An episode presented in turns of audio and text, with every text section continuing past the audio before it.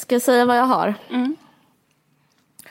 Jag har, förutom Vidgit som vi ska prata om, eh, har jag en flammantext om att eh, vänstern inte alls är segregerad, inte så kul.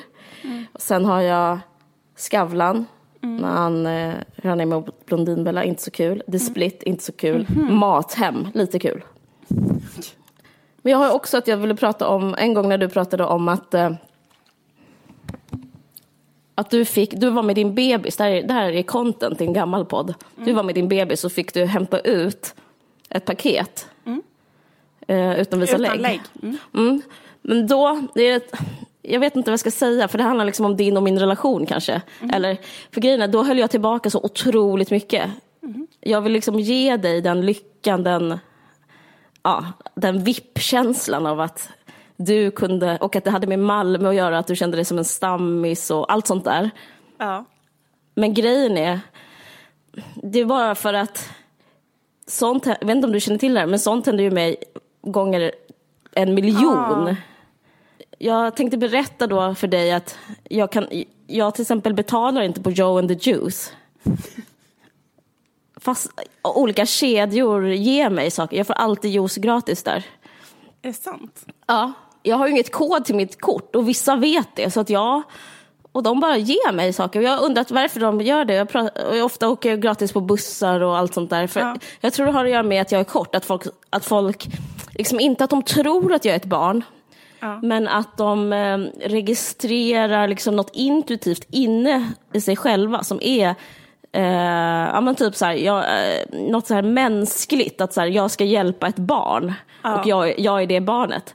Ehm, nej men det har hänt igen. Alltså, men jag tycker speciellt, alltså, det är liksom nästan som en sport. Det är inte svårt på typ ett så här genuint mysigt café att få en espresso gratis för att det är liksom bara en det är nästan som en människa till en annan. Men jag tycker det är svårt att få till exempel på H&M få saker gratis. Är omöjligt skulle jag säga.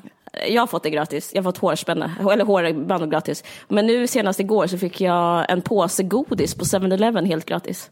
Va? Ja. Men vet du hur man gör? Nej, berätta. Men förstår du då att när du berättar att du fick hämta ut Alltså jag, jag har inte lägg, jag har inte kod. Jag lever liksom så utanför samhället men med ett leende typ. Eh, nej men i alla fall, eh, nej, men det, man, det man gör är att bevisa att man inte är kriminell. Alltså för de vill alltid känna att de är generösa men inte lurade. Okej. Så det jag gör är att säga så här, jag har ingen kod men jag visar då upp att jag har ett kort. Och så säger jag så här, ska jag swisha? Och då säger de så här, men det går inte att swisha, vi får inte för vår chef, för man får typ inte det. Och sen så ah, okej, ah, ja synd, annars kan jag swisha. Att man liksom är, att, att man inte, mm, de vill, ha, de vill inte ha en känslan att de har blivit rånade, utan att de har varit schyssta. Och sen så säger jag så här, men jag har den här, euro, jag har 10 euro här, kan jag betala med den? Äh, ta det. Eh, eller så säger jag så här, jag har inte den appen. Äh, men så visar jag att jag har typ en iPhone. För att liksom, jag tror det handlar om en slags eh, klassförakt och rasism. Att om man är så här en, en person som inte har någonting, då vill ingen ge någonting till den. Alltså jag tror det är väldigt ovanligt att man ger saker så till tiggare till exempel. Eh, så det handlar om att eh, eh, de inte ska känna sig, jag vet inte, känna sig ohotade på något sätt. Intressant, men grejen att det måste vara något mer eh, som ska till. För att eh, det, det känns som att, alltså jag menar det måste vara någonting med din personlighet som gör att du får det gratis för att eller Det är att jag din pratar. utstrålning. För att det kan inte vara att någon säger så här, jag har glömt koden på mitt kort. För då säger folk till en, eh, ja då går du av den här bussen mitt ute på skånska landsbygden. Eh, även om du är ett barn. Alltså det är ju den Men vanliga i, i somras så lagade de eh, min Jaguar gratis också. Då hade mitt, ru- min ruta gått sönder. Men jag tror det är för att jag hela tiden berättar om vem jag är. Jag bara, ja men jag fick den här av min pappa. Nu ska vi vara här och eh, fira hans födelsedag. Men jag har ingen glas i fönstret. Och det är ju inget öppet nu. Eh, men vet du hur jag ska göra? Ah, du kommer in så fixar vi det. Så fick jag liksom en hel ruta gratis också på min bil. På din vad för bil? Jaguar. Som jag också fick gratis.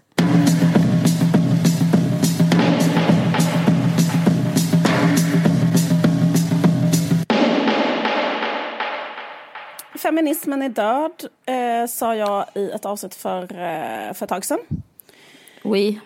Och eh, då eh, pratade jag lite om att eh, skälet till det var att eh, liksom allt, eh, allt kallas för feminism och alla, eh, alla, allting kan vara det och så, vilket gör att det har liksom för förlorat sin så här, samhällsförändrande potential.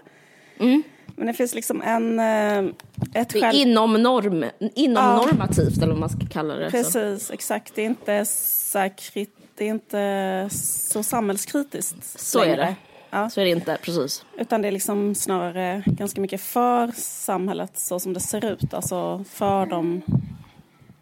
Eh, skitsamma. I alla fall, men eh, ytterligare ett, eh, ett, liksom, eh, ett, skäl, ett skäl till att eh, feminismen är död är ju att ehm, eh, feminismen är så, vad heter det, varifierad. Eller att det liksom har blivit en vara som man säljer.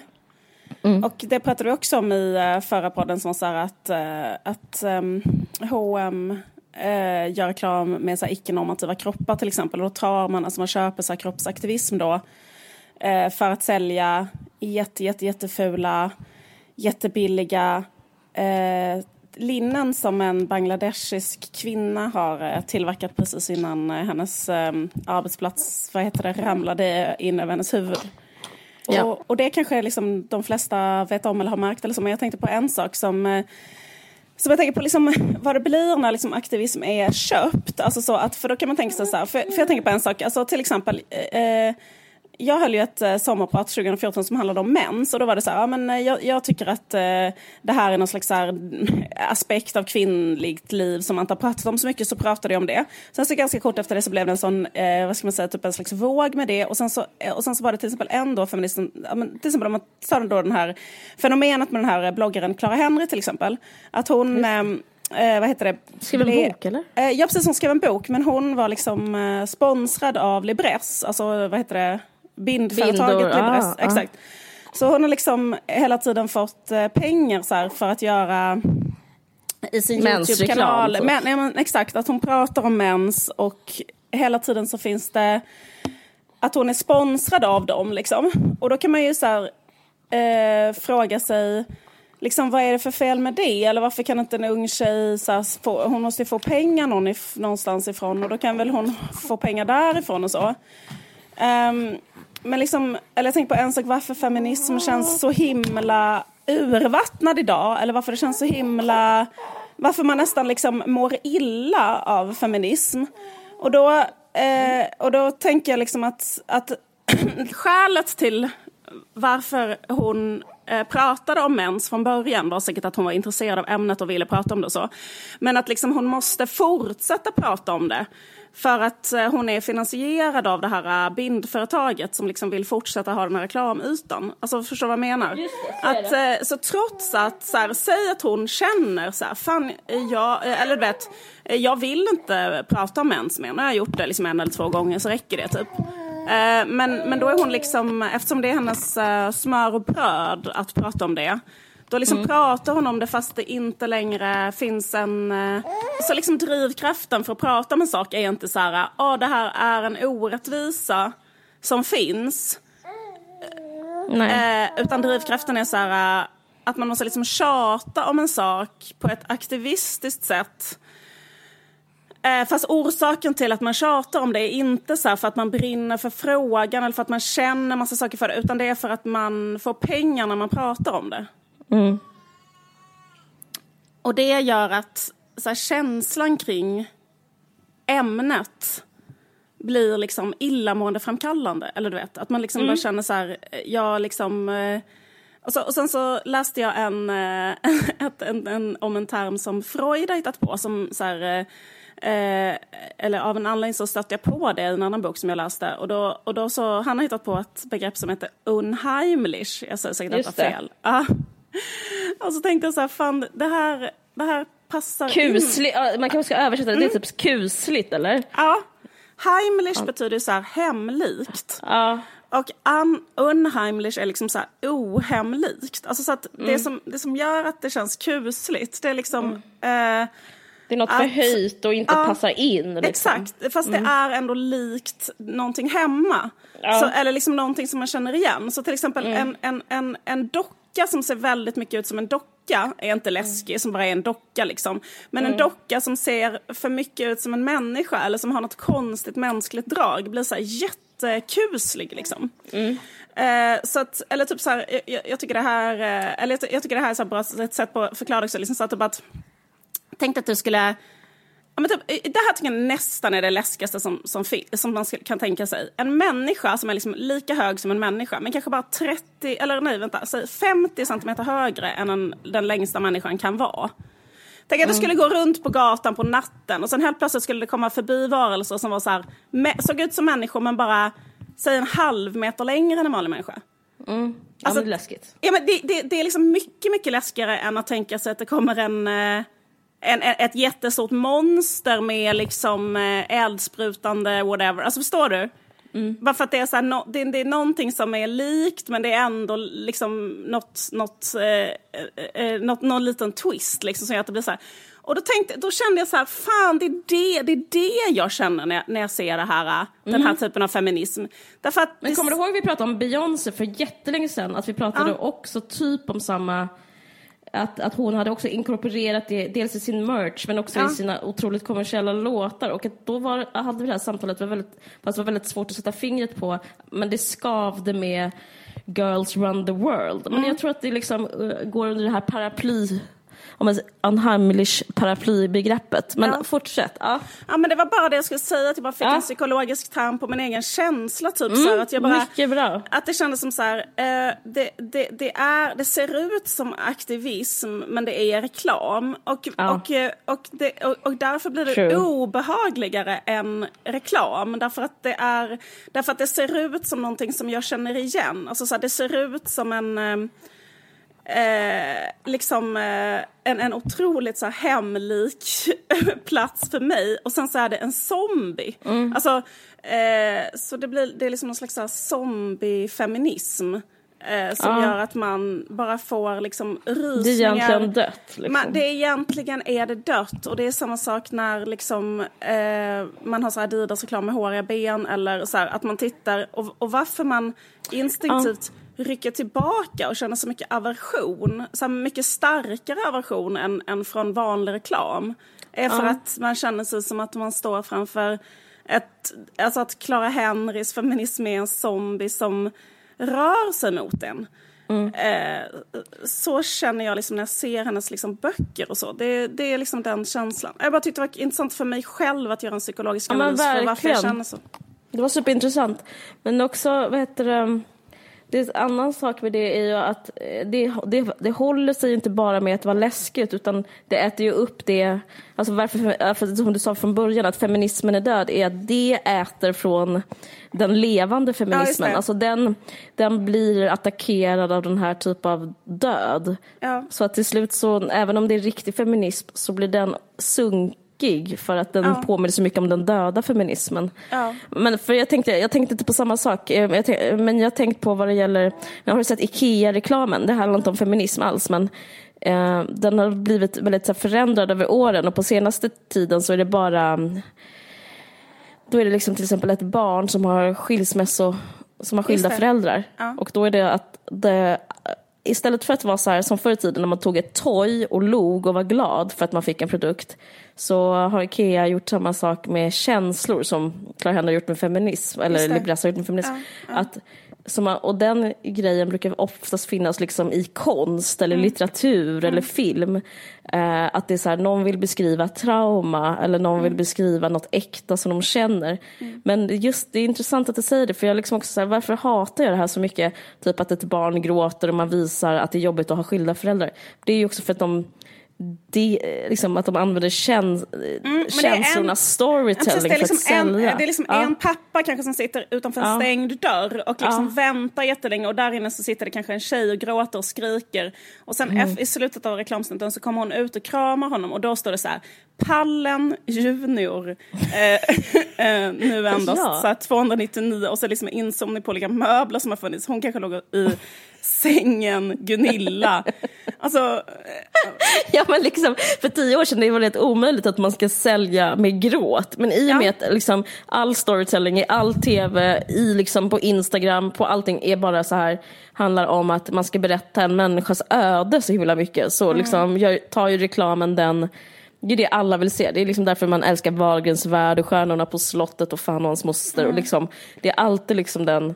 Men, liksom, eh, ja, precis, men så här, varifieringen av aktivism har ju blivit så här, eh, också med SJ-reklamen, där är, det ju en reklam där eh, de har bara sådana reklamer med, alltså Linnea Claesson sitter typ och lyssnar på någon, eller tittar på att hon får hatkommentarer och så är det ett barn som ser henne, alltså så här, och sen slutar de att det är SJ, alltså Ja, det är helt Statens järnvägar. Ja men alltså, precis. nej, liksom att, nej men alltså att Men det finns också en reklam Nej, som är från vad- Vattenfall som är så här, pappa glömde packa med en gympapåse. Har du sett den? Ska inte du Mm. byta om eh, Julia? Nej, pappa glömde packa med en gympapåse. Alltså den typ av så här trauma som bygger ett eh, som säger, det lilla Mm. mikro som säger om det stora makro. Det är dåligt hemma typ. Mm. Då är det liksom Vattenfall eller något sånt där. Ehm, jag förstår inte det, kopplingen. Men liksom det är att hela tiden någon mår dåligt och är en människa. Just det, s- eh, Lotto, spela på Lotto. Då har de tagit, tagit den här låten av John Lennon, Working Class Hero, som går omkring, en eh, kortväxt person går omkring i regnet. Den måste du ha sett, för den går hela, hela tiden. Ja, jag, hört, jag hörde liksom Working Class Hero från vardagsrummet häromdagen. Så Det- tänkte jag så här, är det ja. Ola som satt på Working Class Hero? Så himla konstigt. Nej, då är det här, Lotto. Fan, fan, fan vilken weird grej att göra. Hur mår Ola? Bara sitta hemma och lyssna svinhögt på Working Class Hero helt själv.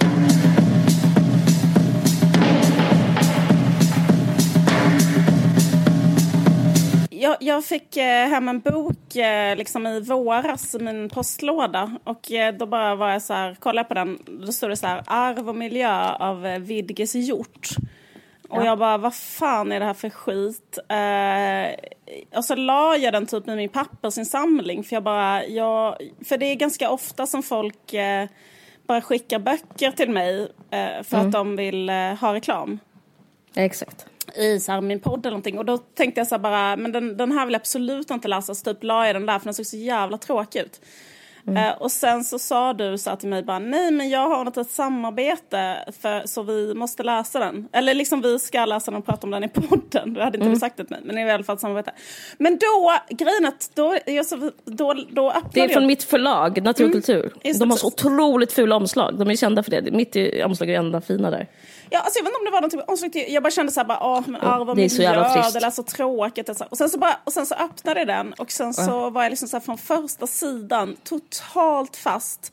Ja. Läste den i ett och sen var det liksom fem plus. Sen har jag rekommenderade den till plus. alla mina grannar har läst den. Alltså typ jag har två Ni, ni verkar så mysigt i ert hus. Ja. Jag, jag, jag lyssnade faktiskt på Alex och Sigge och då äh, gjorde Sigge en sån, eller nej vad heter det, Alex gjorde en sån slags äh, grej så här, hur svenskar är. Så här, väldigt deprimerande grej, så här, svenskar hälsar inte på varandra, de hälsar inte på grannarna. Så, här, så tänkte jag så här, det stämmer verkligen inte med mig, så jag umgås otroligt mycket med mina grannar. Skitsamma. Ja. Jag vet, jag, för du har berättat att, de har, att du har lånat ut min bok till dem också. Ja, vilket alltså gör mig två- sur, för jag tycker de kan köpa den. Men, men, men, det, men det är en illustration av hur mysigt du har det. Eh, alltså grejen är att de ville låna den på biblioteket men det var så här, typ eh, 200 människor i kö på din bok. Mm. Så att de var så här, eh, alltså, därför lånade jag ut den. Men det är självklart hade de kunnat köpa den, så jag säger det nästa gång. Ja, men skit, i det, är inte, det, här var, det, handlade, det här handlar inte om mig. Det, Nej, handlar, det inte om mig. handlar om, det handlar om Vigdis Hjort. En, en, Ja, vi fick den båda två. Mm. författare som heter Vidges Hjort. Och hon är ju Ja. typ rätt så känd i Norge. 58, men typ. jag har aldrig hört talas om henne innan. För då hade inte jag försökt slänga den här boken eh, liksom när den kom till, min, eh, till mig. Man släng, alltså, vi får ju extremt mycket böcker skickat till oss för att alla vill att, ska, att vi ska ha såna här samtal Mm. om böckerna. Jag slänger, jag, men jag, slänger, också- jag slänger böckerna i soporna alltså. Jag slänger dem i matavfallet. jag måste bara säga det så inte jag, Ja. så inte någon, så, så att så jag inte försöker framstå som godare än jag är. Nej. Jag tror inte på individens ansvar. Jag, och, det, det, och det är en politik som passar mig så bra. Individens ansvar, ja. Det är kommer inget för mig. oss. Jag... Eh... Nej, fortsätt. Nej, nej, det, var bara, det var bara, skulle bara säga det. Eh, nej, men vi har läst den nu. nu. Arv och miljö, Vigdis Hjort. Är hon född 58, 60? Det här, Jag, hon har skrivit vibben att 30 hon är böcker. omkring 60 år. Ja, det är hon. Mm, och den är, eh, precis. Vill du börja? Ska vi liksom ha någon ska vi slags... säga kort bara vad den handlar Ja, om? precis. Så saken är den att den handlar om en... eh, Den är skriven i jag-form och den Mm. är liksom, eh, handlar om en arvstvist. Jag tyckte det var jättespännande redan från första meningen. För det handlar om en arvstvist med fyra syskon. Och det Mm. visar sig på första sidan att det är två syskon som har fått ärva lite mer. De har fått ärva Mm. två stugor som de andra liksom inte har fått ärva. Och sen liksom utifrån det är liksom startskottet till att bara veckla ut en, en väldigt sinnessjuk familjehistoria. Och då är det liksom att, eh, att, eh, att de två äldsta syskonen har ärvt mindre än de två yngsta syskonen. Och att eh, den, den äldsta... Nej, tvärtom. Vad sa du? Ja, tvärtom. Tvärtom. Hon- De två äldsta har ärvt mindre. De två yngsta systrarna har, eh, har fått mer. Och sen så har liksom den, den systern då som skriver i jag-form, hon är en av de äldsta då. Och hon eh, har inte haft kontakt med sina föräldrar på kanske, vad kan det vara, 20 år eller något liknande, 15 år eller något sånt. Precis, så det handlar liksom om de två grejerna. Det handlar om att en em, dotter som brutit kontakten med sin familj. Och så liksom vecklas det ut varför. Samtidigt som det är arvstvist- arvstvisten. Och sen så har den orsakat skit. Vet du vad jag tänkte på jättemycket? Alltså Norge som land. Att de har ju liksom så jävla mycket, alltså de har verkligen, de verkligen kommer ju som kulturland. Det är så många som har gjort den spaningen. Men alltså det är ju verkligen så därför att de har så fruktansvärt mycket pengar. Nu är det här väldigt sjukt. Jag har ju otroligt mycket klimatångest. Min klimatångest har kommit tillbaka med sån eh, fördubblad kraft på ett jättejobbigt sätt. Bara för att det har varit så varmt nu. Eh, och så håller alla på och liksom typ myser kring så här och kallar det för brittsommar och sånt. Och typ, eh, liksom så, aha, jag hörde på radio bara, åh det är ju brittsommar, varifrån kommer uttrycket brittsommar och så vidare. Eh, vet ni att uttrycket brittsommar eh, härrör från att det är britta har namnsdag? Alltså, så här, och sen så blir man bara så här, nej men det här är inte brittsommar. Alltså, förstår ni inte? Alltså, att det, är så här, det har ju slått alla varma rekord som finns som någonsin har varit uppmätta. Alltså, du vet det är varmare än vad det någonsin har varit. varmaste, det, var, det var 28 grader i Paris, det har aldrig varit det den Nej, här i exakt. oktober. Och, då- och då är det liksom så här, varför, eller liksom jag, jag förstår inte varför man har ett, lindar in det i ett narrativ av mys som är att kalla det för brittsommar. Alltså, eh, för att grejen att det är ju då, man skulle kalla det för typ eh, dödssommar eller något liknande. Alltså man skulle kalla det för typ psycho. Sista sommaren. Ja, exakt. Kalla det bara sista sommaren. Med gänget.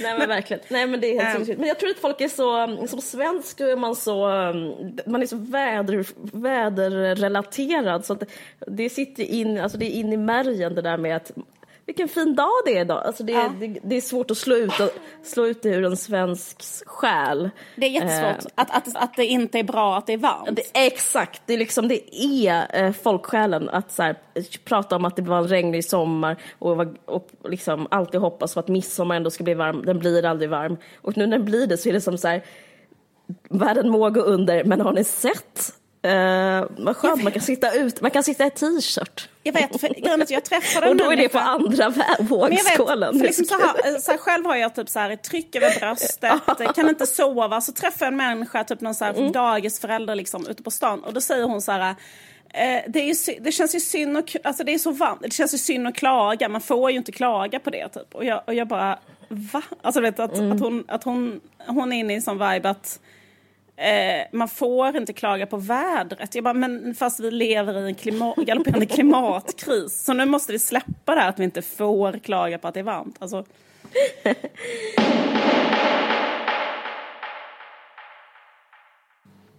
I Norge så har man ju in, skitmycket olja som man då, eh, man lever ju av då fossila bränsleekonomin och lever gott. Men det som vi kan liksom dra nytta av det, vi som eh, sitter här i kultureliten, eh, eliten, eller liksom kulturvärlden, det är ju att Eh, de, gör, de, de har så jävla mycket pengar till kultur och att de använder sina pengar, de är jätterika men de distribuerar ju ändå pengarna lite bättre än Sverige gör. För att det känns ju som att de ger pengar jättemycket till kultur i Norge på ett annat ja. sätt. Alltså, jag tror inte bara det är det. Alltså jag, jag fattar vad du ja. menar, men jag tror det är mer en känsla av att de har inte känslan av alltså de har en känsla att de har tid på sig och pengar kvar. Alltså som, jag tror inte det är att förlagen ger till liksom vem, som, vem som helst eller att skam får göras, utan mer att man, man lever liksom i en tillvaro där eh, alltså på, hö, på högsta, högsta civilisationstopp Ja, men var det inte ändå som en skam att hon till exempel var fast anställd, hon som gjorde skam, och hon hade jobbat där jättelänge, alltså hon hade tid att göra jätte, jättediger research och liksom hon hade en anställningstrygghet. Alltså, och, och, det upplever jag också när jag läser det här med Vigis Hjort.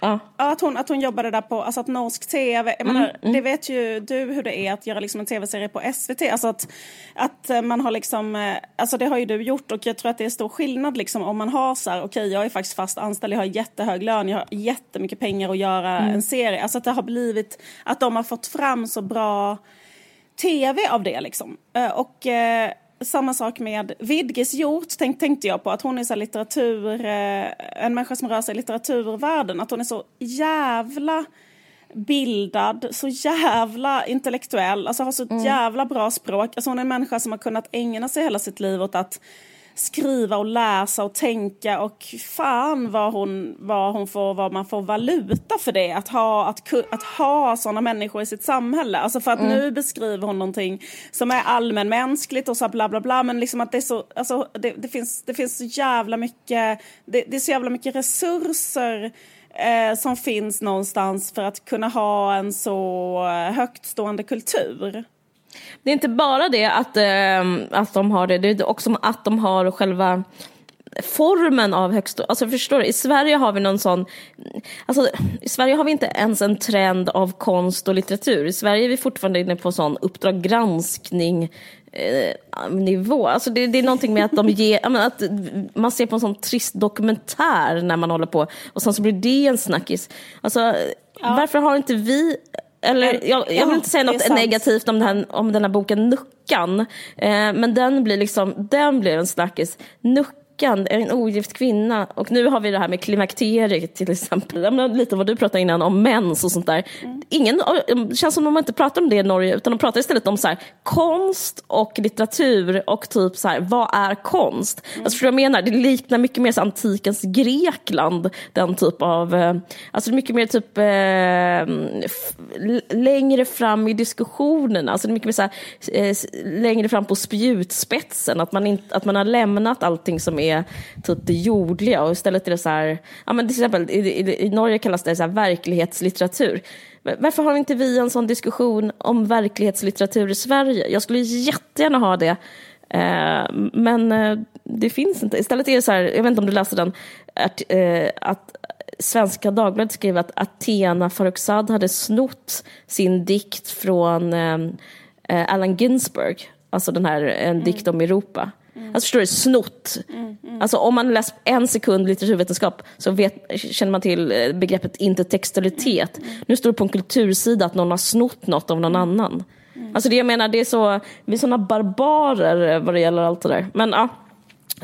Um, jag vet inte. Det, mm, jag skulle jättegärna prata om typ så här, vad är konst? Men det, det ja, pratar jag, jag tror liksom inte, jag, jag, jag, tror att alla, jag tror att vissa liksom, eh, alltså för, för vad jag förstår, den här debatten eller diskussionen kring Vidges gjort, för då är det liksom att mm. Hon har aldrig sagt att den här var eh, liksom eh, baserad på en... Hon har inte gått ut och sagt så här, och, och den här boken handlar om mig själv och mitt eget, min egen familj. Hon har bara gett ut det som en roman. Men sen har liksom hennes släktingar eh, känt igen, det, detta händer exakt samma sak ja. med Knausgård. Att um, Eh, hennes släktingar har liksom känt igen sig och känt mm. igen kanske sina egna autentiska mejl och sånt som de skickar till henne som finns liksom publicerade i boken. Mm. Eh, och blivit jättearga och då har eh, hennes syster har nu publicerat en mot... Helga. Eh, det, heter hon också Hjort? Helga Hjort? Mm, Helga Hjort. Ja. så hon har liksom publicerat en, en, en motbok men liksom det ironiska blir att då är som det liksom... Som heter Fri vilja eller vad heter den? Mm, ja det kanske den heter. Ja. Ja, men det ironiska blir att då blir det liksom Helga Hjort som säger att det här är sant. Alltså förstår du vad jag menar? För att eh, alltså Vidgis Hjort har aldrig sagt att liksom, eh, det här är en sann historia om min familj och eh, alla kan ju förstå vem som är min syrra och hit och dit. Men, liksom, och, men det är så syrran går ut och säger så här, eh, hela den här boken är en lögn och eh, på grund av detta och detta och detta och liksom hon gör det till en eh, till en... Eh, eh, alltså hon tolkade bokstavligt. Och samma sak hände ju med Knausgård. Alltså, för att jag menar Vidgis kan ju bara ha Och även Geir Anvä- Gulliksen, Ja. samma sak. exakt samma sak. Att de, de har liksom eh, diskuterat det här jättemycket i Norge. Med alla sina författare i princip. de har kanske diskuterat det för nej, men mycket. Det, men Nej, det så här, de har vad- gjort ja. är att de har liksom tagit den litteraturen, de har liksom utvecklat eh, romanen som genre. Alltså de, det är därför det blir en diskussion. Alltså att det, de, har, de har tagit eh, vad vi vet vad en roman är och eh, gjort det till eh, en ny sak. Så att det har blivit liksom, alltså som att man behöver en ny juridik kring det. Men det behöver man kanske inte. Men, men det har blivit moraliska diskussioner som, inte, som kanske inte finns på samma sätt som vad det gäller typ en eh, när man pratar om sagor eller när man pratar, alltså, ehm, alltså det, det blir ju ett mått på ehm, romanens utveckling. Att Norge har kommit med Geir Gulliksen, eh, Vigdis Hjort och eh, Knausgård och de har liksom fått allihopa så här internationell ehm, de har så här erövrat romangenren. Alltså det är ju helt, det är helt otroligt egentligen. Ehm, ja, och därför blir det sådana diskussioner. Ja.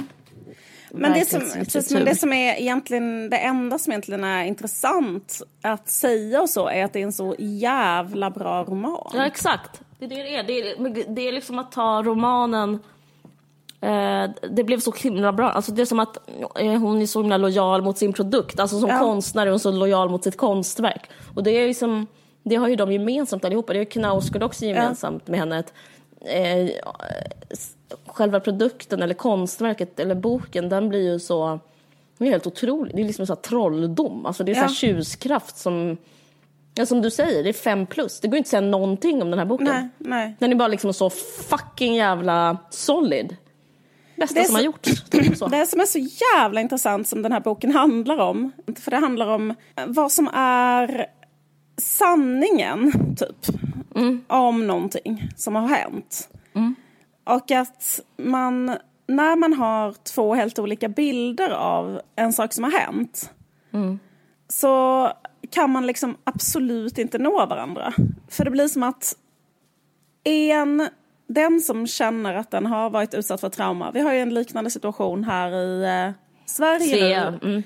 Faktiskt med Cissi Wallin och Fredrik Virtanen kan man säga ungefär samma slags situation. Att det är så att det finns två, alltså att så här, båda de två hävdar ju en sak och de två sakerna Alltså, det, det är två verklighetsbeskrivningar som är parallella och som går helt och hållet emot varandra.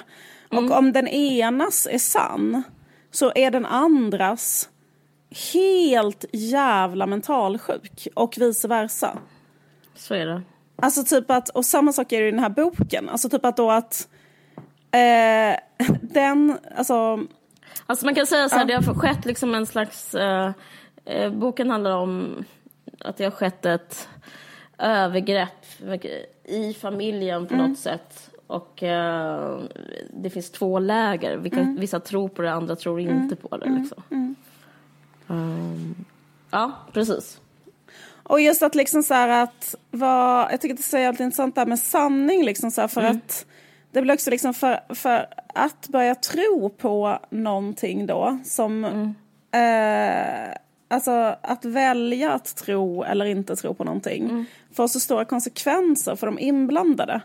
För att så här, säga att du skulle börja tro på eh, alltså att om en av alltså liksom att man bygger upp hela sin identitet kring, kring att man är den som har den här uppfattningen. Och det blir så, här, det blir så otroligt svårt att så här, säga då, eh, till exempel för de här systrarna i den här boken, att de skulle ha, ha trott fel. För det gör att de hela sina liv har stått på fel sida liksom. Eh, och vice versa. Alltså så här, fall, fall, eh, fall hon som har skrivit boken på något sätt skulle tänka så här, men jag kanske inte har rätt i detta. Eller så här, det skulle också göra att hela hennes liv blir liksom, eh, ja, att det liksom inte går för att man har så mycket investerat som identitet i sina sin, sitt, eh, sin berättelse om livet. Det, det, det här, det, det, det, man, måste bara, mm. man måste bara läsa den. Liksom. Ja, för grejen är att ja. Eh, nu när man säger att det handlar om ett övergrepp, för jag tycker det är så himla bra, för jag tycker inte att det handlar alls egentligen om övergrepp, utan det handlar mm. mer om det här hur ett system, ett familj, liksom, mm. det lilla mikrosystemet familjen liksom verkar över generationer. Mm. Och även om man inte själv har varit med om ett trauma i sin familj så har alla varit med om liksom, olika mikrotrauman i sin familj. Alltså även om man inte mm. har det här. Liksom så här därför att det är alltid så i familjer. Liksom att och, och liksom det, det där med liksom hur man har behandlat varandra och hur man har behandlat varandra under barndomen. Och för att man lever med varandra under så lång tid. Och man lever med varandra under perioder när man är otroligt utsatt och 100% beroende av varandra. Alltså mm. att det lilla barnet är så jävla utsatt i relation till föräldern. Eh, och, eh, och sen att man ska fortsätta ha kontakt som vuxna. Och liksom hur man förhåller sig till det att så här, jag var det här lilla otroligt utsatta barnet. Och liksom hur var du mot mig då? Och det tänker man själv när man själv har barn också. Att så här, Mm. Eh, liksom det här att det ska hålla tills jag är farmor. Liksom. Alltså, mm. eller, eller förstår du vad jag menar? Och då kommer det fortfarande att finnas, eh, eller liksom du vet att det, det, det är sådana otroligt liksom, långa, det är ju livslånga relationer liksom. Och, och som aldrig börjar och aldrig slutar liksom. Och eh, oavsett om man bryter eller inte så är det ändå kvar. Och det är alltså så här, och, uh, jag vet inte, mm. det, det, det, är ju egentligen liksom... Det, ja, det är jätteintressant att läsa just det för att hon, det finns massa teori eh, kring eh, att bryta och inte bryta. Och det finns liksom, alltså den boken broderar ut eh, tanken om då, frihet, ofrihet, liksom att, att bryta, inte bryta, mm. eh, familj och eh, ensamhet.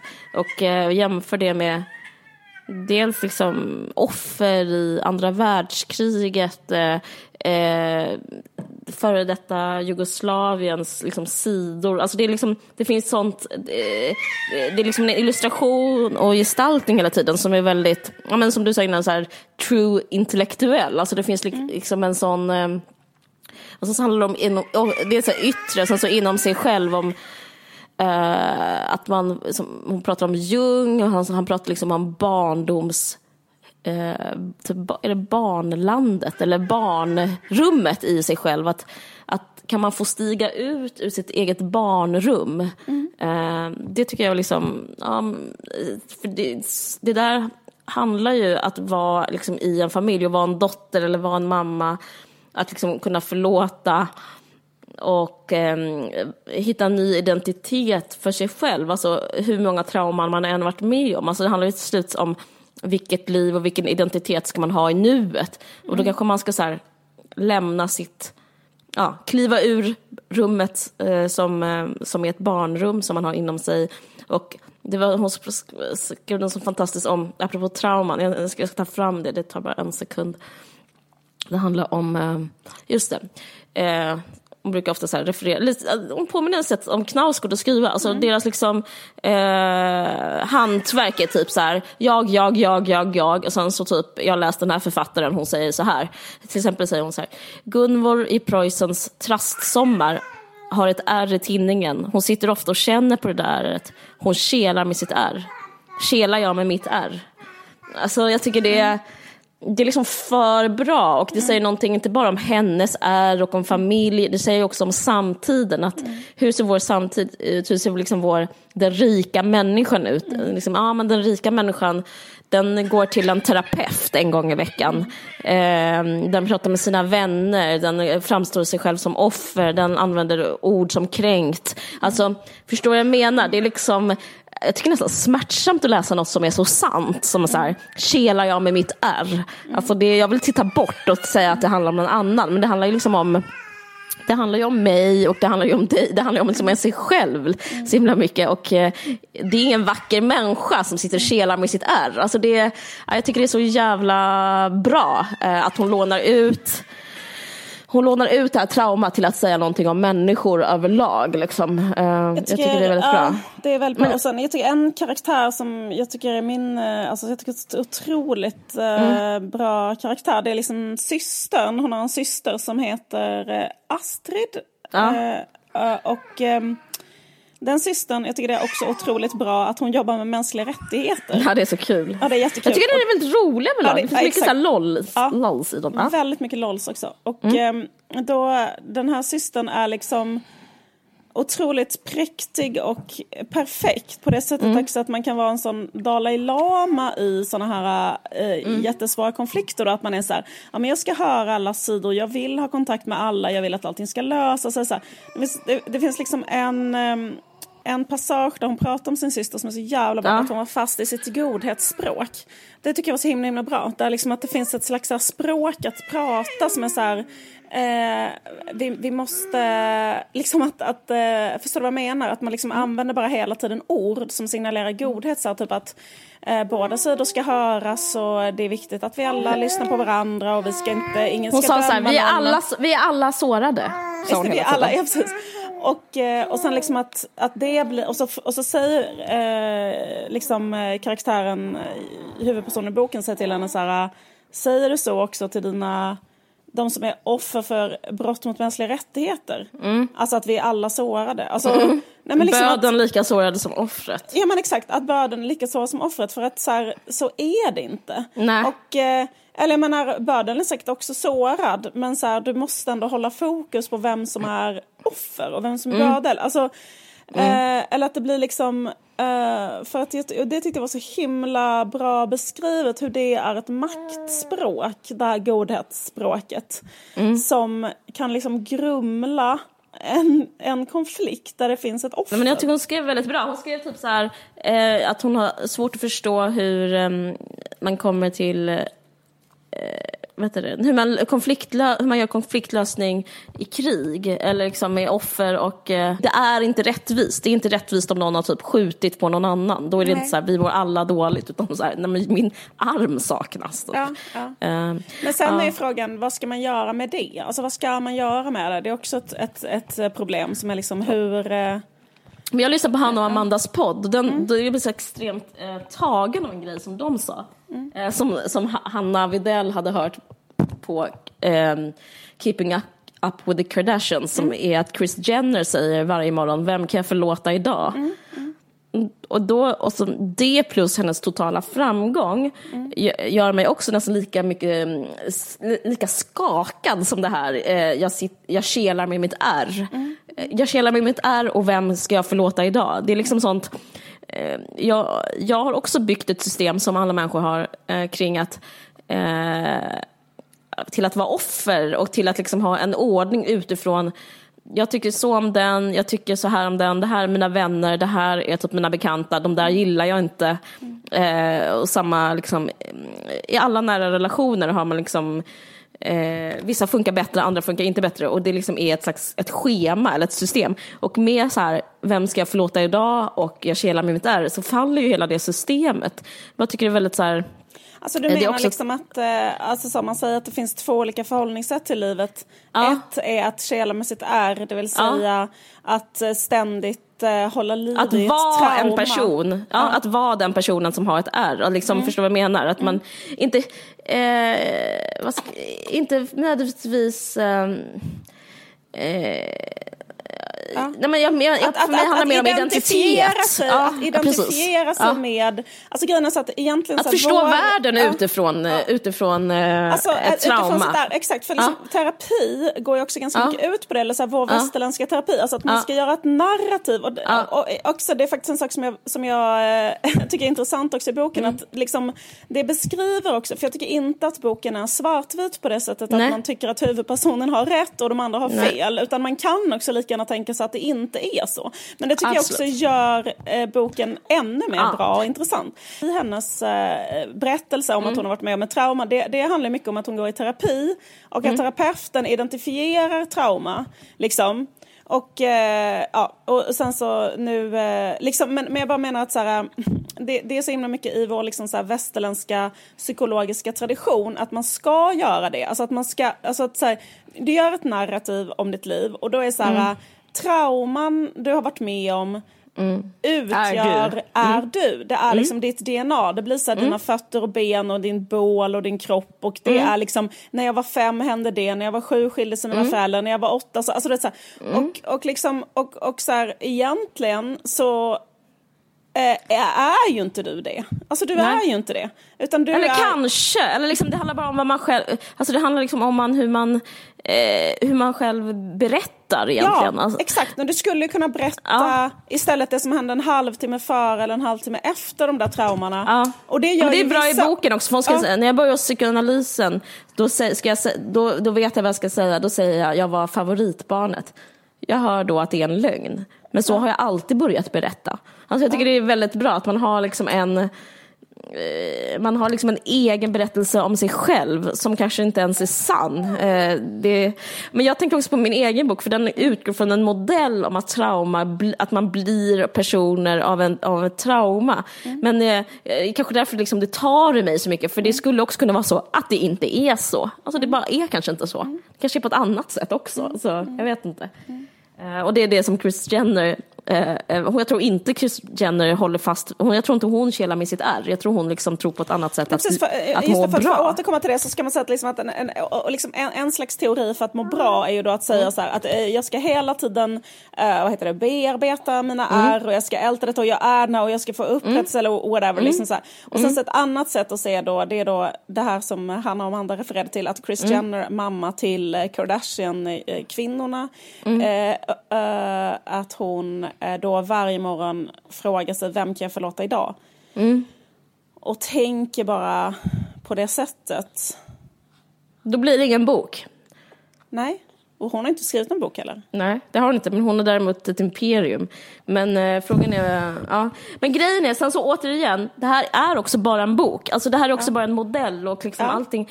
Så att eh, jag tycker att det här är, alltså Freud är väldigt tacksam som, alltså allt det, jag, jag så håller ju fast vid det, jag pratat om det innan, att man, för den här är väldigt freudiansk den boken. Eh, men att Freud är väldigt, att, alltså han kanske var konstig och keff eh, när han började operera bort eh, livmodrarna, heter det? Livmödrar, vad heter Ja, det? han, han opererade inte bort livmödrar men han gjorde ju, han hade ju sån här, jo eller kanske han gjorde, han hade ju sån, ja, skitsamma, han, han hade jättemycket sjuka saker för sig. Ja, för mig han gjorde det. Jo, men han Eh, gjorde säkert typ, också det. eh, Ja, för att han typ, man var äh, hysterik, om man är hysterika så beror det på livmodern. Alltså, det var, det var, den sidan av Freud tycker jag är lite ja. Men, liksom, eh, den, men en annan sida som är just om storytelling, att börja så berätta berättelser, alltså Lilla Hans, alla de, alltså, han, han har en förtjänst som författare och skönlitterär författare. Och jag, jag skulle säga att just liksom, både Knausgård och Vigdis Hjorth verkar i det, att liksom, det har hänt något i min barndom och eh, nu är jag den här och nu ska jag berätta en berättelse. Men sen som det är sant eller inte kanske inte är så himla viktigt, alltså apropå det här med autofiktion och verklighetslitteratur som det heter i Norge. Det är, alltså, helt, det är inte alls viktigt. Nej. Det, det enda som egentligen är viktigt med den här boken, det är det som jag Ja. redan sagt, och det är att det är fem fucking jävla plus. Det är att det är trolldom, typ, hur bra den är skriven. Alltså, eh, eh, och att hon är liksom en lysande intellektuell. Jag blir så här...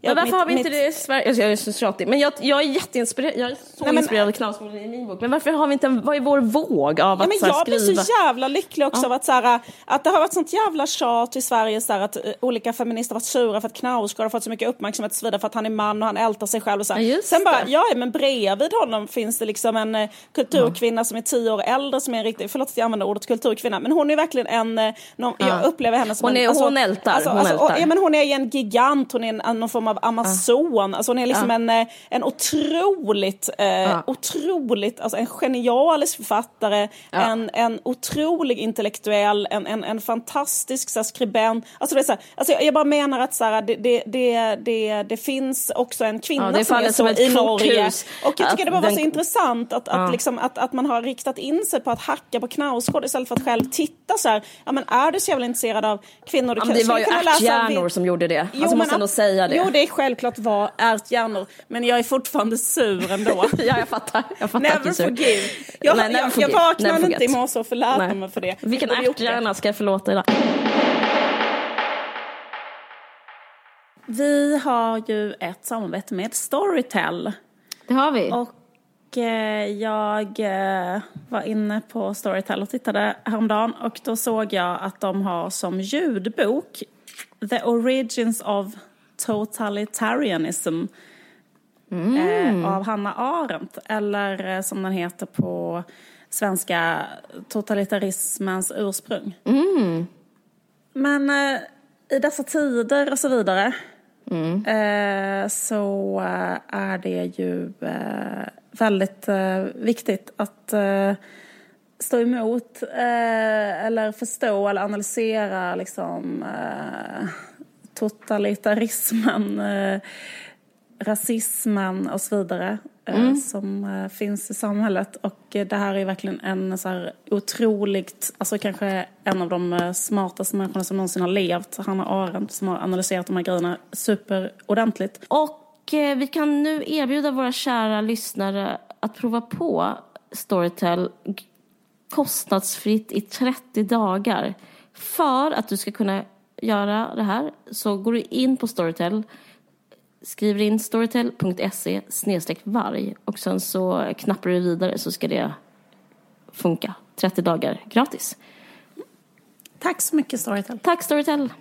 Nej men en annan sak som jag tänkte på är att ehm, jag vet inte vad man ska säga om det. Eller om det är en riktig kritik eller eh, det här med att hon jag hela tiden, det finns ett annat hot i boken som, jag vet inte om du håller med mig, men det finns, jag upplever ett hot i vänskapsrelationerna som är att de ska spela upp vad hon, de ska upprepa hennes eh, biologiska familjs mönster. Det vill säga att de ska vara så här, förskjuta henne och bryta med henne, eller att hon ska göra det med dem. Inte att hon ska göra det med dem, men grejen är att hon är så jävla jobbig. Hon, äl- hon pratar bara om sig själv i, i boken igenom. Och eh, till och med hennes bästa väns man dör och då är hon, ändå sitter hon och så här tjatar om eh, om sig själv. Och, Sig själv. Ja, hon bara, ja, men jag och min pappa och det är så jobbigt med det här mötet, jag ska träffa revisorn, hur känns begravningen, hur ska, alltså hon, hon pratar inte om någon, någon annan. Eh, och det tycker jag liksom finns en, alltså det gör det så jävla bra, för det gör att dels en osympatisk kvinna och, och även jag har svårt att eh, omfamna det, jag blir jätteosäker. Men också mm, att en osympatisk kvinna måste få ett straff. Eh, ingen kommer stå ut med henne, hon får inte vara sån här. Hennes vänner kommer säga så här, du, du ditt jävla ego. Eh, Hon har ju en kille också Ja. som också är trött på henne. som också är liksom. trött på henne. Och, man är hela, och jag tycker det, det bidrar till liksom en suspense, som det heter på engelska. Alltså en slags, en, en bågespens i de yttre relationerna också på grund av den här familjerelationen. För så tycker jag man är själv när man säger att jag, jag har gjort slut med någon och så, eller kär i någon och sen inte den är kär i mig. Jag har säkert varit så med dig att man bara så här, eh, jag, typ, du kanske vill prata om något men då måste jag ändå få in det på det här ämnet. Jag måste ändå så här, få prata om det. Och så ska jag säga det igen, så ska du lyssna och så ska jag säga det igen, sen så vill jag att du ska säga vad du sa igen. Alltså, och, så, och det typ har jag nog aldrig läst innan, det är så jävla bra beskrivet. Ehm, att så här, tvinga någon att älta, det, ja, det, det är jävligt, det är tungt. Men hur jobbig man är när man har jobbig man är. trauma. Vad jobbigt det är med trauma, att det inte är något vackert. man blir. Exakt! Alltså hur det här förstör ju liksom Ja. bara också så hennes... Vad hennes väninnerelationer, hennes kärleks... eh, Liksom, hon, hur ofta frågar hon hur det är med hennes barn till exempel? Ja, barnen känns som de spelar en helt underordnad roll i hennes liv. Alltså det blir liksom, de, de, de är ju stödpersoner till henne. Ja. Vad är liksom, what's up med det? Alltså det är väldigt, och det tycker jag, det bidrar till ett hot i boken som är nästan, som det nästan som ett thriller på ett sätt. Alltså jag tycker det är så, ja det är, jag, är beund, jag beundrar hennes hantverk liksom otroligt. Och sen så beundrar jag en annan hantverksgrej som är att hon håller så många trådar i luften att hon hon börjar sluta skriva liksom, eh, om sin familj och sen så bara säger Klara gick in i föreläsningssalen. Alltså jag bara, hur snyggt är det helt liksom, stilmässigt menar jag? Alltså hennes stilistik är helt sjuk. Och så, så, bara, berätt, ja, så bara berättar hon en, en, en relation parallellt utan liksom, med så jävla lätt hand och bara berättar om Klara och berättar liksom, väljer att berätta om Köpenhamn och en bar och Alltså jag vet inte, det är bara så... Och hennes vänskap med Klara är precis, ja. så jävla eh, bra. Varför berättar hon att hon ja, det... sover på den soffan? Alltså de typ av, den typ av författarval är... Mm. Eh, alltså det är väldigt beundransvärt. Alltså jag, bara för att jag kanske skrivit en bok precis så kom jag ur att så här, vad är viktigt och vad är värt att berätta. Men just att hon, så här, men, eh, hon gick dit och sov över. Alltså det skulle kunna... Alltså det, det, det säger så jävla mycket om den relationen och om hennes liv, om hennes familj, om hennes liksom, eh, kärleksrelation, om hennes familjerelation. Att hon bara berättar liksom en parallell historia om typ en person som heter Klara. Liksom. Det, mm. ja, det är väldigt, väldigt bra. Men fan, sen tror jag att hon gör en annan jättetjusig grej. Jag tänkte på, just det. det jag undrar, det här är ju klockrent. Att hon, att hon, eh, hon är helt så här, med existentialisterna och Camus i första raden. Min pappa dog för fem månader sedan. Alltså det är, som, ja, det är direkt parafras på den här mm. Aujourd'hui maman est morte, alltså av Albert ja. Camus, Främlingen. Främlingen ja. Det är bara också sånt jävla... Alltså det är så kul när någon är så stilig hela tiden liksom. Mm, jag vet. Det är fantastiskt.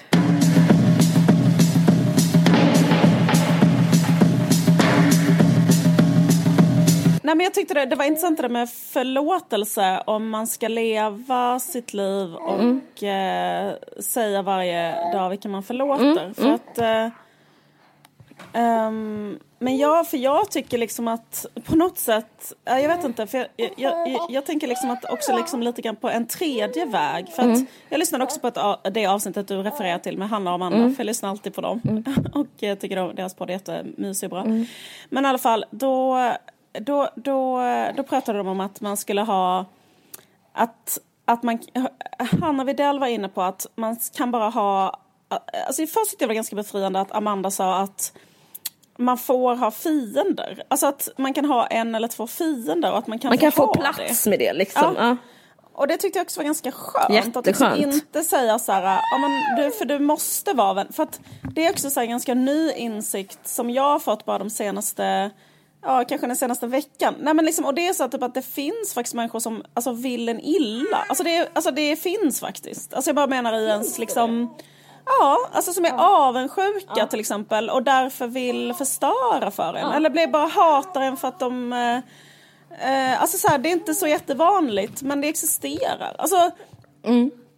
Och då tycker jag liksom att det är ganska skönt också bara istället för att låtsas så bara, nej men alla är goda och alla har bra intentioner och alla så, så kanske man säga bara, nej men du kanske måste sålla pyttelite för att det kanske är några här som inte har bra intentioner, som kanske är eh, illvilliga mot dig, mm. som kanske hatar dig. Alltså, och de kanske du kan försöka ta bort mm. liksom på något sätt. Ja. Eh, så det tyckte jag var ganska skönt bara att tänka på. Och sen en annan sak var att för då pratade de om att eh, de har varit inblandade i en... Eh, alltså jag tror att de pratade om att det har varit ett eh, drev eller ett slags... De kallar det drev, man skulle också kalla det, kunna kalla det medial granskning. Liksom, av, eller kritik bara. Eller kritik bara, precis. Att, eh, att de har på, sin, eh, på sitt företag Perfect Day så har de att på frivillig basis kunde man få fylla i sin eh, menscykel så att man, de, alla skulle veta när vem hade PMS och när vem hade Alltså typ så här, ifall man mår dåligt så kan man som härleda det till mm. menscykeln. Eller precis, exakt. Och, och då så publicerade DN, Lisa Magnusson skrev eh, att, eh, att alla hade varit tvungna att göra det och det var felaktigt. Så där gör jag ju dem rätt. Ja, rakt av. Skrev, Vi eh, podheads ja. vet ju vad de sa. De sa att ja, det exakt. skulle kunna vara en frivillig idé. Typ.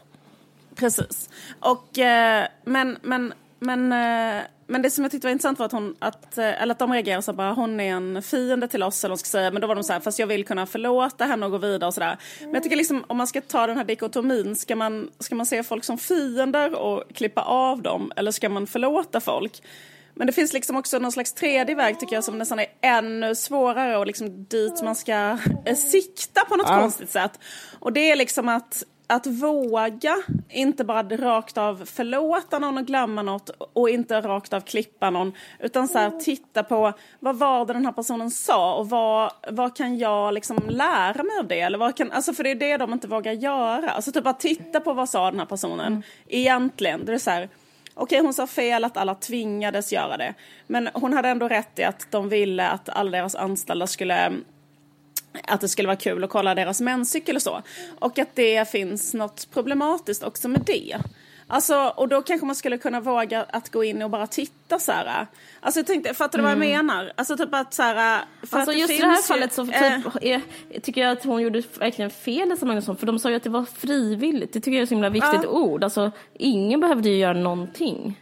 Ja, fast jag kan ändå känna att om man, om man jobbar på en arbetsplats så finns det en maktrelation Ja, mellan dem okej, som äger företaget och inte. Och Ja. liksom, jag, jag tror att om det finns väldigt mycket en annan Så stämning känsla, och det är en ja, tjejig ja. stämning. Tänk dig att du har låg status i det företaget och jobbar med att fila fötter eller någonting. Och det är en allmän upprymd stämning kring att du är annorlunda när du har ägglossning. Och grejen är att de här sakerna baseras inte på vetenskapen utan alltså fattar du vad jag menar? Och då blir det liksom så himla konstigt. Det är som att liksom jobba för en astrolog eller någonting och tvingas in i, alltså jag, jag, jag, tycker ändå att man skulle tänka så här, det här har inte plats på en arbetsplats. Det här har plats i, på en tjejmiddag eller i något privatrum eller så här, men inte i en relation som handlar om en chef anställd, tycker inte jag. I alla fall, vad jag skulle komma till var så här att jag gjorde en jag tittade på mitt Instagram häromdagen och då var det någon som hade skrivit, alltså en användare hade skrivit fitta till mig, alltså i bara kommentar, en kommentartråd. Men då tänkte jag bara på det att, eh, eh, att, att jag liksom, eh, att jag funderar liksom på att, eller för först, eh, eller, eller vad man ska göra med kritik, är detta jag menar, eller vad man ska göra med, fi, eh, med liksom människor som Det var kul. Ja. Nej men att, att, att frågan är då, ska, ska jag som, eh, som eh, Chris Jenner gör eh, säga att när jag ser en sån kommentar till exempel i mitt flöde, ska jag säga då jag väljer att förlåta det här och bara helt glömma bort det? Eller ska jag kela med mitt R, det vill säga bli jätteledsen, Ja. eh, kanske skärmdumpa den, posta den i ett speciellt litet inlägg och skriva titta här var jag tvungen att stå ut med för att jag är en kvinna med åsikter, gråt, eh, smiley på det. Ja. Eh, hashtag näthatet eh, eller någonting, kvinnohatet. Ehm, eller, jag bara, men jag tror så mycket på en slags tredje väg som är så att inte liksom radera det, inte inte förlåta det, inte radera det och inte låta det såra en utan bara ha det som en slags memento mori. Eller förstår du vad jag menar? Typ så här, det finns kvar, det, det, får, det, det får stå kvar sådana saker. Och jag vill inte svara på det och jag vill inte reagera mot det. Jag vill bara att det ska vara så här, för grejen att det är också viktig information. Alltså, på något sätt. Att Hur då tänker du att det är det? att jag är en fitta. Förstår du vad jag menar? Alltså det, jag är ju också det. Alltså jag är ju jävligt fittig mot olika människor i mina poddar och, alltså förstår du vad jag menar? Mhm. Eh, Och eh, det är också sant. Alltså, Ja, fast du menar liksom, typ mot eh, Läckberg eller typ vad menar Ja, du? eh, till exempel. Eller jag menar i denna podden var jag, det, alltså, eller du vet att, att Mm. eh, liksom, men är inte det, det är väl du också? Eller jag menar det är man väl, eller? Du tycker inte Nej, det? jag tycker faktiskt inte det. Ah, okay. Alltså jag menar inte att jag var självgod, alltså jag skulle, snar, alltså jag skulle mm, gärna ta på mig hatten idiot, om du förstår vad jag menar. Mm. Ehm, jag vet inte, nej alltså... Eh, Ja, men typ att man är så här självgod. Man är ju ändå fittig på det sättet att man är självgod. Okej, ja, okej jag fattar vad du menar. och Ja, ja. säger... Eh, alltså f- ordet fittig betyder ju något väldigt specifikt. Ja, jag fattar vad du menar. Ja. Det betyder att man Också är elak bara för att man kulturelitistisk kan. kanske. Man är elak bara för att man kan också. Ja. Alltså man är inte, inte av en anledning. Typ att man är onödigt elak. Alltså typ att... Eh, eller betyder inte det på något sätt? Att man liksom inte... Lite extra och onödigt elak typ. Ja. Men varför, vilken, var, varför, um, vilken, vad hade du skrivit på ditt Insta? Så, alltså, när var Ja, det, var nog, det var nog inte relaterat till just det Nej, inlägget. Jag tror det var inlägg, i, i, relaterat till mig som människa. Liksom. Eh, men jag menar bara att, så här, inte för att vara Dalai Lama kring det, för jag tycker liksom att men bara att det är så här att, att, eh, att det är också, liksom det är också så här sant om mig. Alltså, Eller vad, ska man säga? Och det är också så här, Ehm, och det är jättemånga människor som tycker det om mig. Alltså så. Jag tror att det är, alltså, jag tror den kommentaren speglar en, eh, en grupp. Alltså så. Det är jag helt övertygad om. Det tror jag. Det tror jag. Men- Fast jag tror att det, det, är- det är inte, um, jag tror inte det är, heter det? Ma, alltså jag tror inte det är sexistiska män som tycker det. nej, Utan nej. jag tror det Det kanske är jag typ någon annan tjej som har en podd kanske som tycker Ja men det, det är jag helt övertygad om också. Ja. Jag vet, jag vet. Men absolut, så är, så är det liksom alla gånger. Men jag bara tyckte det var liksom lite... um, Att istället för att förlåta direkt, som någon så här forcerad Dalai Lama, eller alltså när, när någon gör en oförrätt mot en menar jag. Eh, eller någon har kritik av en, eller så. Så är det också så här lite intressant den här grejen att, att bara istället jag ty- jag, det, är liksom, det, det känns som mina egna goals. Att bli en, en någon som kan så stå kvar och titta det i ögonen och ha det som... Men det håller jag ehm, verkligen med om. Jag kommer ihåg när Björn af Kleen gjorde det, när han skrev på Nöjesguiden. För det var så, det var så, nej, det här var en rodeo. Det var när jag var redaktionschef, han skrev där. För det var så otroligt inspirerande. Det här var alltså 2006, 12 år sedan. Så fick han jättemycket kritik, för typ, av säkert jätte... Jag vet inte, klara anledningar. Valid points. Ja, Ja. liksom. Då skrek jag, varför skriver du så? Eh, förstår inte du att du utesluter den? Eh, Det där var ett från ovan perspektiv. Uh, visste du inte, du skrev till och med fel fakta. Varje gång fick han jättemycket kritik. Och, och jag kommer aldrig glömma det här, för han, då svarade han i tidningen, du vet så här, då var det papperstidning, och på första sidan så här, läsarbrev. Då svarade han alltid så här, Ja, det har du rätt i. Eh, Det ska jag verkligen tänka på. Vad bra att du sa det. Förlåt för det. Och eh, jag blev faktiskt väldigt inspirerad av det. Sen fick jag också kritik när jag skrev Nöjesguiden. Då, då härmade jag hans stil och skrev så här, ja ah, du har rätt. Att hela tiden säga så här, ah, du har rätt. Det påminner lite om vad du säger nu. Och, eh, jag, jag tror, ja, jag vill bara säga att jag vill ge dig rätt i din analys av ta kritik. För att, eh, Ja, fast jag, ja. jag, jag tycker inte, jag håller fan inte med om det. Nej. För det så tycker inte jag att man Ja, ska okej, göra. För okej. att jag tycker inte att man ska ge den rätt. Jag tycker mer att man kan säga men om så här, den har rätt kan man väl ge den rätt? Eh, ja, om de har rätt. Men jag tror också liksom att det kan vara också så att eh, de har kanske rätt, Mm. men de kan ändå dra åt helvete. Alltså, typ att... Ehm, men jag tycker det var så, liksom jag att- tycker det var så inspirerande att se, för då var det samtidigt som han Carl Reinholds Belfrage, där Mm. vi, typ inga, kanske våra lyssnare känner till eller inte, men då var han, hade han en karriär Den allra äldsta lyssnaren känner till. Ja, då, han hade en karriär som också var på Nöjesguiden som var Ja. att vara så himla pikant. Han fick också jättemycket Mm. läsarbrev och då var det alltid typ att dra ner brallorna av den läsaren och som var så här och någon skrev något så här, varför skrev du så, typ, eh, du, det var typ taskigt mot den här. Då, då Mm. skrev han typ något ännu elakare, något än, alltså typ han, han eh, verkligen raljerade och eh, på ett snyggt sätt och som gjorde som sin stilistik att att håna läsarna. Mm. Alltså, Det var liksom ett slags ideal då. Alltså, lite som Johan, Johan Kroneman är nu. Ja. Så här, om Ja, någon det, gör ja. något tv-program, då hit, gör han sport i att se hur dåligt det är. Liksom. Eh, nej men jag vet inte. Och eh, att det var Ja, väldigt så här, nej, nytt att så här, säga ja, jag hade fel. Jag bara tycker det har något ändå. Ja, alltså jag tycker det kan ha något, men sen tycker jag också att det kan bli koketterande. Typ att det är så här, Ah. och, vilket jag tycker att jag själv eh, nästan... Att, men också så här, att därför att du har, du har fan också ett ansvar att stå för vad du själv gör, vad du själv har gjort. Och det är också typ en mognadsgrad tycker jag. Att det kan vara så här att, så här, nej men kolla här, eh, ja det här som jag skrev skulle han kunna säga Björn af Kleen, det var inte för alla, alla fattar inte det här som jag skrev. Men jag tycker att det var så pass intressant så att jag har lust att skriva så ändå. Förstår du vad jag menar? Och, det är liksom, och det är ett val som jag har gjort. Jag vet det att det här utesluter människor som inte har den och den och den och den referensen. Men jag tycker ändå den här typen av journalistiken har ett jävla be- berättigande. Eller fattar du vad jag menar? Eller typ att det är så här, jag vet att jag till exempel drev med människor som eh, har ADHD i ett eh, avsnitt av Lilla Drevet och sa eh, något nedsättande ord om dem. Men jag tycker att eh, så här, man kan få skämta så. Därför att jag tycker att det är kul och jag tycker att man, det måste få vara liksom så att man kan säga det. Jag, jag tycker det. Så här. Sen eh, ren, renderar det i att kanske någon skriver vilken jävla fitta du är. Och då är det så här, ja det är jag. Liksom. Men jag tycker ändå att jag hade rätt att göra det. Alltså fattar du vad jag menar? Alltså typ så.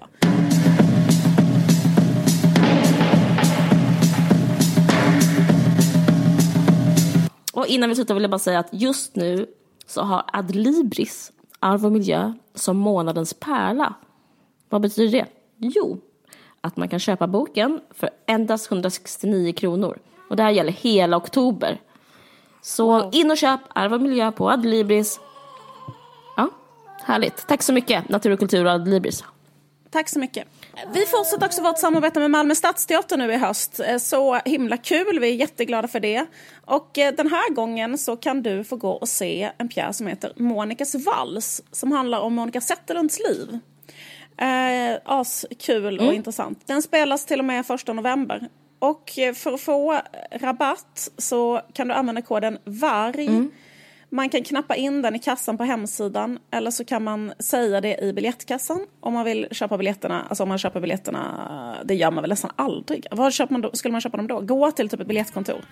Eh, men om man gör det, går och pratar med någon, så säger man koden VARG mm. och så får man eh, rabatt. Och eh, också då om man köper det på nätet så, säger man, så kan man knappa in koden helt enkelt. Mm. Malmö Stadsteater, Monica Vals, superkul. Mm. Och om du är student eller ungdom så kan man få upp till 50 rabatt. Det är bara att gå in och kolla på Malmö Stadsteaters hemsida. malmöstadsteater.se Okej, tack. tack så hemskt mycket Malmö, Malmö Stadsteater. Stadsteater för att ni stöttar vår podd. Tack. Hej då! Hej då, tack för att ni lyssnade.